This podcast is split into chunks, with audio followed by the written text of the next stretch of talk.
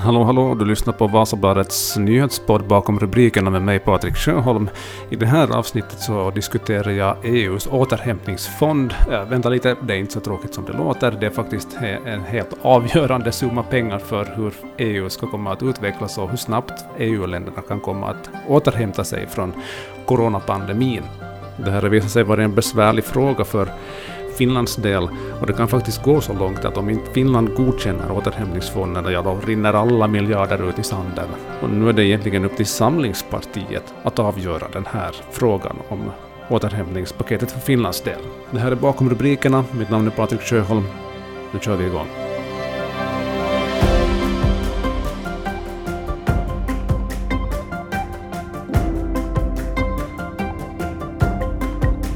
EUs gemensamma återhämtningsfond magasinerar astronomiska 750 miljarder euro, men på olika håll inom EU är alla inte välvilligt inställda till den här fonden och bland annat Finland har på sistone hamnat i rampljuset på grund av den. Det här ska vi prata mer om nu tillsammans med Vasabladets ledarskribent Dan Ekholm. Dan, det har varit mycket tal om just den här EUs återhämtningsfond eh, under stora delar av coronapandemin och, och i, i, synnerhet i Finland nu på sistone. Um, vad är bakgrunden till den här fonden, att man har instiftat någonting sånt här? Ja, det var för ett år sedan som, som det här blev aktuellt då när, när eh, ekonomin tvärstannade runt i, om i hela världen egentligen, men också väldigt svårt för ju Europa drabbad. Eh, då särskilt de sydeuropeiska länderna och Frankrike, Spanien, Italien, som vi känner till. Eh, och då diskuterade EUs motor, det vill säga Frankrikes och Tysklands ledare den här frågan. Och det var egentligen den stora nyheten då som kom för ungefär ett år sedan, att Tyskland kunde tänka sig att, att gå med på att EU upptar lån som då medlemsländerna eh, går i borgen för. Från början var tanken att 500 miljarder skulle användas till direkta bidrag och 250 miljarder skulle då sen vara lån som, som medlemsländerna som får det här bidraget skulle vara tvungna att betala tillbaka. Men då blev det sen en, en politisk dragkamp kring den här frågan och man prutar ner den här eh, andelen direkta bidrag. Eh, bland annat Finland och statsminister Sanna Marin var då en av de här som krävde att den här låneandelen skulle vara större och att de här direkta bidragen skulle bli mindre. Så att den här eh, ska säga, slutsumman som man kom överens om sen vid ett toppmöte i, i december i fjol så var det att, att 390 eh, miljarder blir direkta bidrag och 360 miljarder är sånt som, som är lån till, till de som får bidragen och som ska betala tillbaks. Vad är det som de här 750 miljarder eurona ska användas till och hur stor del andel kan Finland få av den här? Det är ju inte frågan om några no små kaffepengar, den här totala potten. Nej, det är sant. Det är sant. Eh, och eh, där använder man den här fördelningsnyckeln som är kopplad till hur man normalt fördelar EUs budget och sen hur, hur illa drabbade av, av pandemin de är, de här länderna. Men de här pengarna så, så liksom tänkt att det ska kickstarta ekonomin, men, men de ska liksom inte användas till liksom vad som helst, utan det ska liksom vara en, en grön tillväxt eller en grön omställning som Europa eh, snabbt måste ta, vidta, och sen en digital omställning, och det här är ju jätteviktigt. Jag menar, en av orsakerna till att Finland klarat sig så bra under den här pandemin är ju det att det är så många som har kunnat jobba hemifrån för att vi har så bra digitala förbindelser. Men det här är ju inte en självklarhet i resten av Europa. Eh, det är liksom att kickstarta den europeiska ekonomin och få, få en, en grön och digital tillväxt till stånd. Det är liksom tanken. Sen om vi tittar på, på det här paketet, 750 miljarder euro låter jättemycket, och det är jättemycket pengar, men man kan också relativisera det på det sättet och, och jämföra med USA som ju har eh, satsat biljoner. Det vill säga betydligt större stimulanspaket än det som EU tar till. Och också Kina har, har stimulerat sin ekonomi, så att det beror lite på vad man jämför med. Att det här är ett helt nytt läge, eller är det här liksom, ska vi jämföra med, med ett normalläge? Och det är kanske där som en del, en, en del av striden går. Och Finland är då ett av åtta medlemsländer som i det här skedet inte har godkänt paketet och Frågan försvarades märkbart då grundlagsutskottet förra veckan meddelade att paketet måste godkännas med två tredjedelars majoritet i riksdagen. Alltså regeringen måste också få med sig oppositionspartier som, som stöder paketet. Det här blev klart i samband med dessutom en pågående regeringskris förra veckan. Vad är det som gör det här inrikespolitiskt besvärligt just nu? Jo, det är ju i och med att, att oppositionen då inte vill se det här eh, återhämtningsfonden i, i dess nuvarande form. Men, men det, det är ju liksom intressant då när den här själva behandlingen i grundlagsutskottet gjordes, så är ju det utskottet en, en grundlagsdomstol egentligen. Så att när, när ledamöterna i grundlagsutskottet går in i utskottsrummet så fungerar de som en domstol och ska i princip lägga undan sina partiböcker och tänka på det här utgående från en juridisk bedömning och inte en politisk bedömning. Det här är ju i, i den bästa av världar och för det mesta så brukar det lyckas för att, att de, de ledamöter som sitter i grundlagsutskottet är ofta väldigt erfarna. Det kan till exempel vara före detta ministrar och, och, och sådana som har en lång parlamentarisk erfarenhet och som kan förstå den här skillnaden.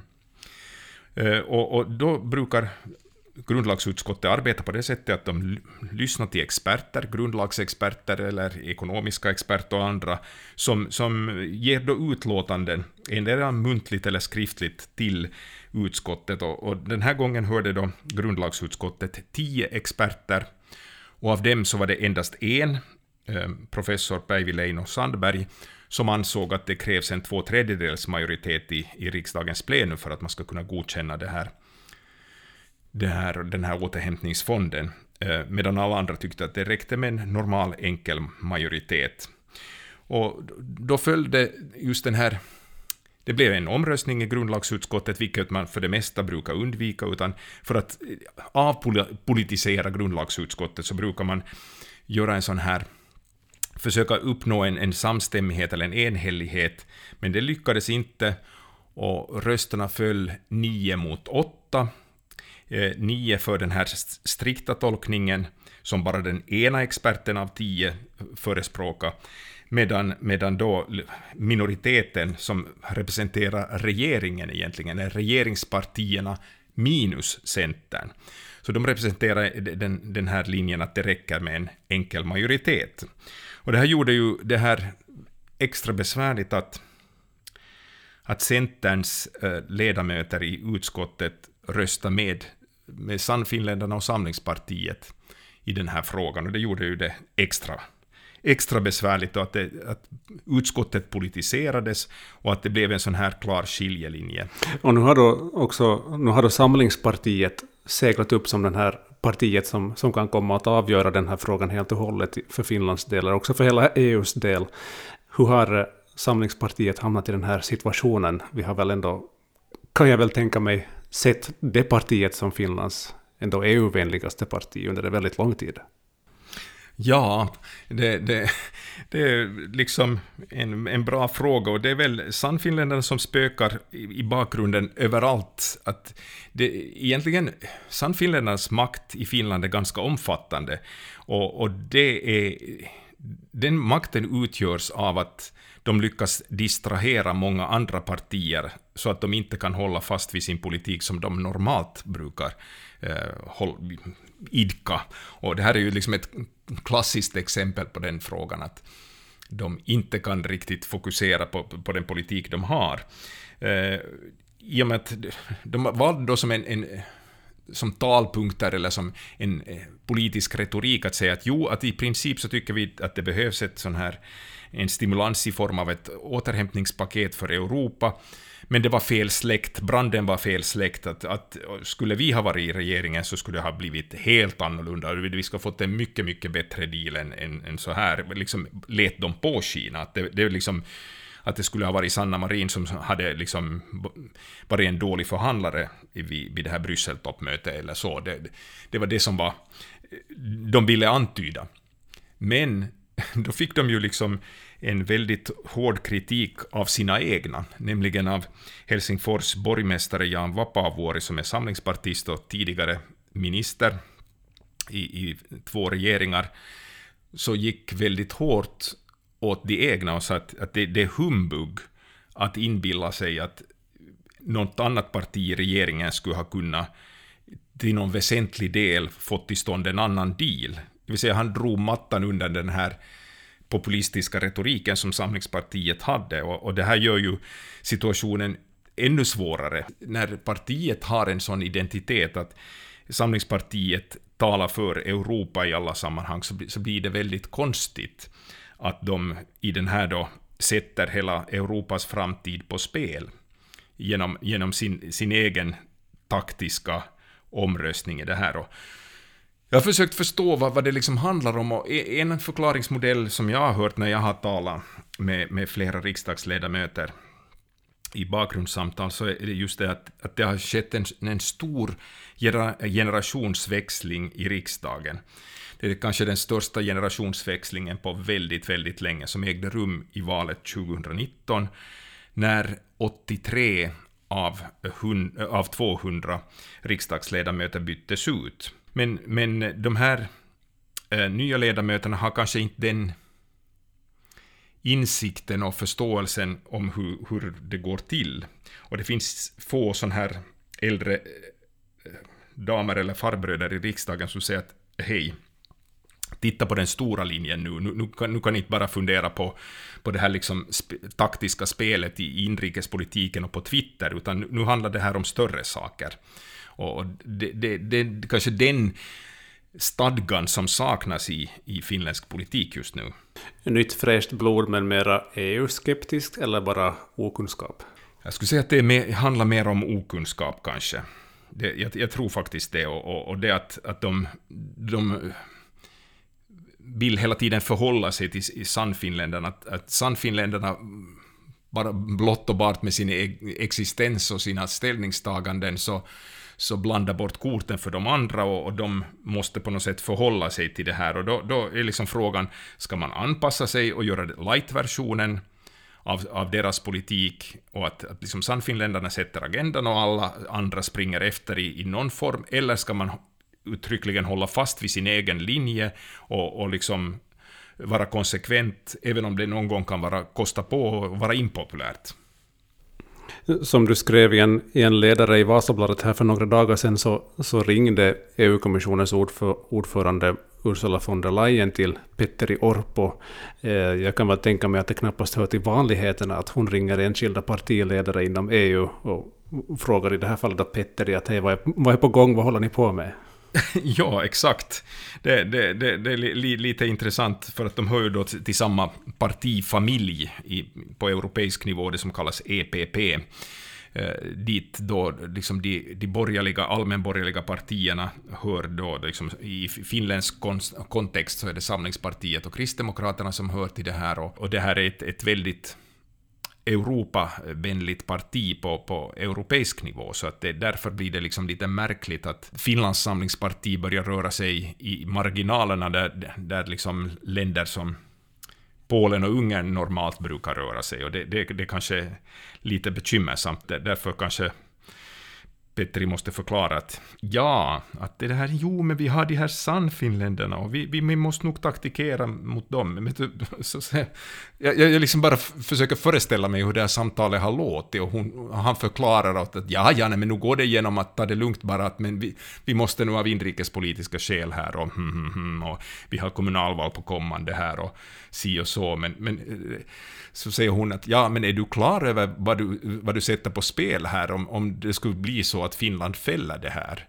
Ja, ja, nej, men, eh, nej, men vi, vi, vi röstar blankt här och nu blir det bra här och hmm, hmm, hmm. Så att det, men, men det här är ju bara fantasier. Så att, men, men de har samtalat i alla fall på telefon, det vet vi. Det, det, är ju ett sådant samtal som man skulle vilja vara en fluga på väggen och hört, fått höra hur, hur, hur det gick till. Um, du nämnde här Polen och Ungern. De är några av de länder, EU-medlemsländer som ännu inte har godkänt paketet. Där finns också Estland, och Irland och Nederländerna och Rumänien bland annat. Finlands finansminister Matti Vanhanen så, så sa i i, i plenisalen förra veckan att det skulle vara en katastrof ifall Finland inte godkänner återhämtningspaketet. Tror du att det kan gå så långt att det är Finland som fäller det här och vilka konsekvenser kan det få för, för Finland och för EU om det skulle faktiskt gå på det viset. Jag, jag håller med Matti Vanhanen att det skulle vara en katastrof för EU och för Finland om, om vi skulle liksom fälla det här paketet. Um, det skulle påverka Finlands anseende internationellt i, i väldigt illa. Det, det, skulle liksom vara i... Att vi liksom inte förstår hur, hur besvärligt läget är för många andra europeiska länder, trots att vi till dagligdags i nyhetssändningar får, eller i tidningen får läsa eller se eller höra om hur, hur illa drabbade många andra länder är som har varit totalt nedstängda och som då haft problem med att, att kunna jobba på distans på grund av dåliga dataförbindelser eller liknande. Och, och en, en hel turistsektor som är, kan vara stor för vissa, vissa länder har slagits ut helt och hållet medan Finland då har, har liksom klarat sig väl mycket bättre än vad man, man hade, hade liksom befarat. För ett år sedan trodde vi att, att den här smällen skulle för Finlands del bli, bli betydligt större. Men vi har ju liksom, det har visat sig att vi har klarat oss väldigt väl undan det, det, det värsta. Men, men tillbaks till din fråga, om vi inte skulle liksom ha en förståelse för det här så skulle vi liksom uppfattas som väldigt um, kallhjärtade och eh, vi skulle, vårt anseende skulle liksom få sig en törn. Finland har hela tiden under de 26 år som landet har varit EU-medlem försökt vara en, liksom en konstruktiv medlem som ger lösningar och inte skapar problem. Klart att vi har våra nationella positioner och, och våra egenintressen som vi måste liksom värna om. Det är, det är liksom inte det, men, men, men vi, har, vi har varit ett land som har lyckats se till helheten.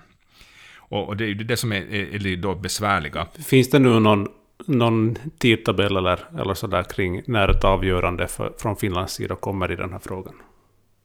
Ja, alltså Eh, nästa steg i det här som kanske kommer endera dagen här nu, så är att finansutskottet i riksdagen ska komma med ett utlåtande.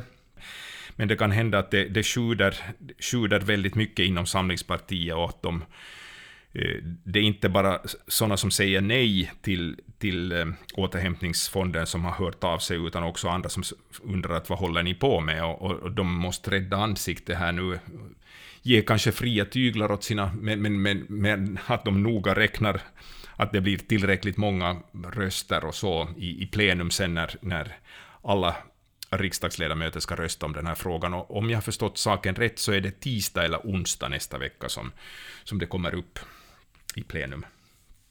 Så att då, då blir vi klokare och jag tror att, att det finns ett... Dels finns det ett tryck, ett eh, europeiskt tryck på att snabbt nå ett resultat i frågan. Men sen så finns det också en, en inrikespolitisk aspekt av det här, att ju längre det här drar ut på tiden och desto, ju närmare det eh, kommer själva kommunalvalet, desto större blir de här så att säga insatserna, de politiska, taktiska insatserna, och därför skulle det vara bra att få undan det här nu så snabbt som möjligt, så att så att det inte blandas samman med, med kommun, kommunalpolitiska frågor, för det här har ju ingenting med, med kommunfrågor att göra. Bra.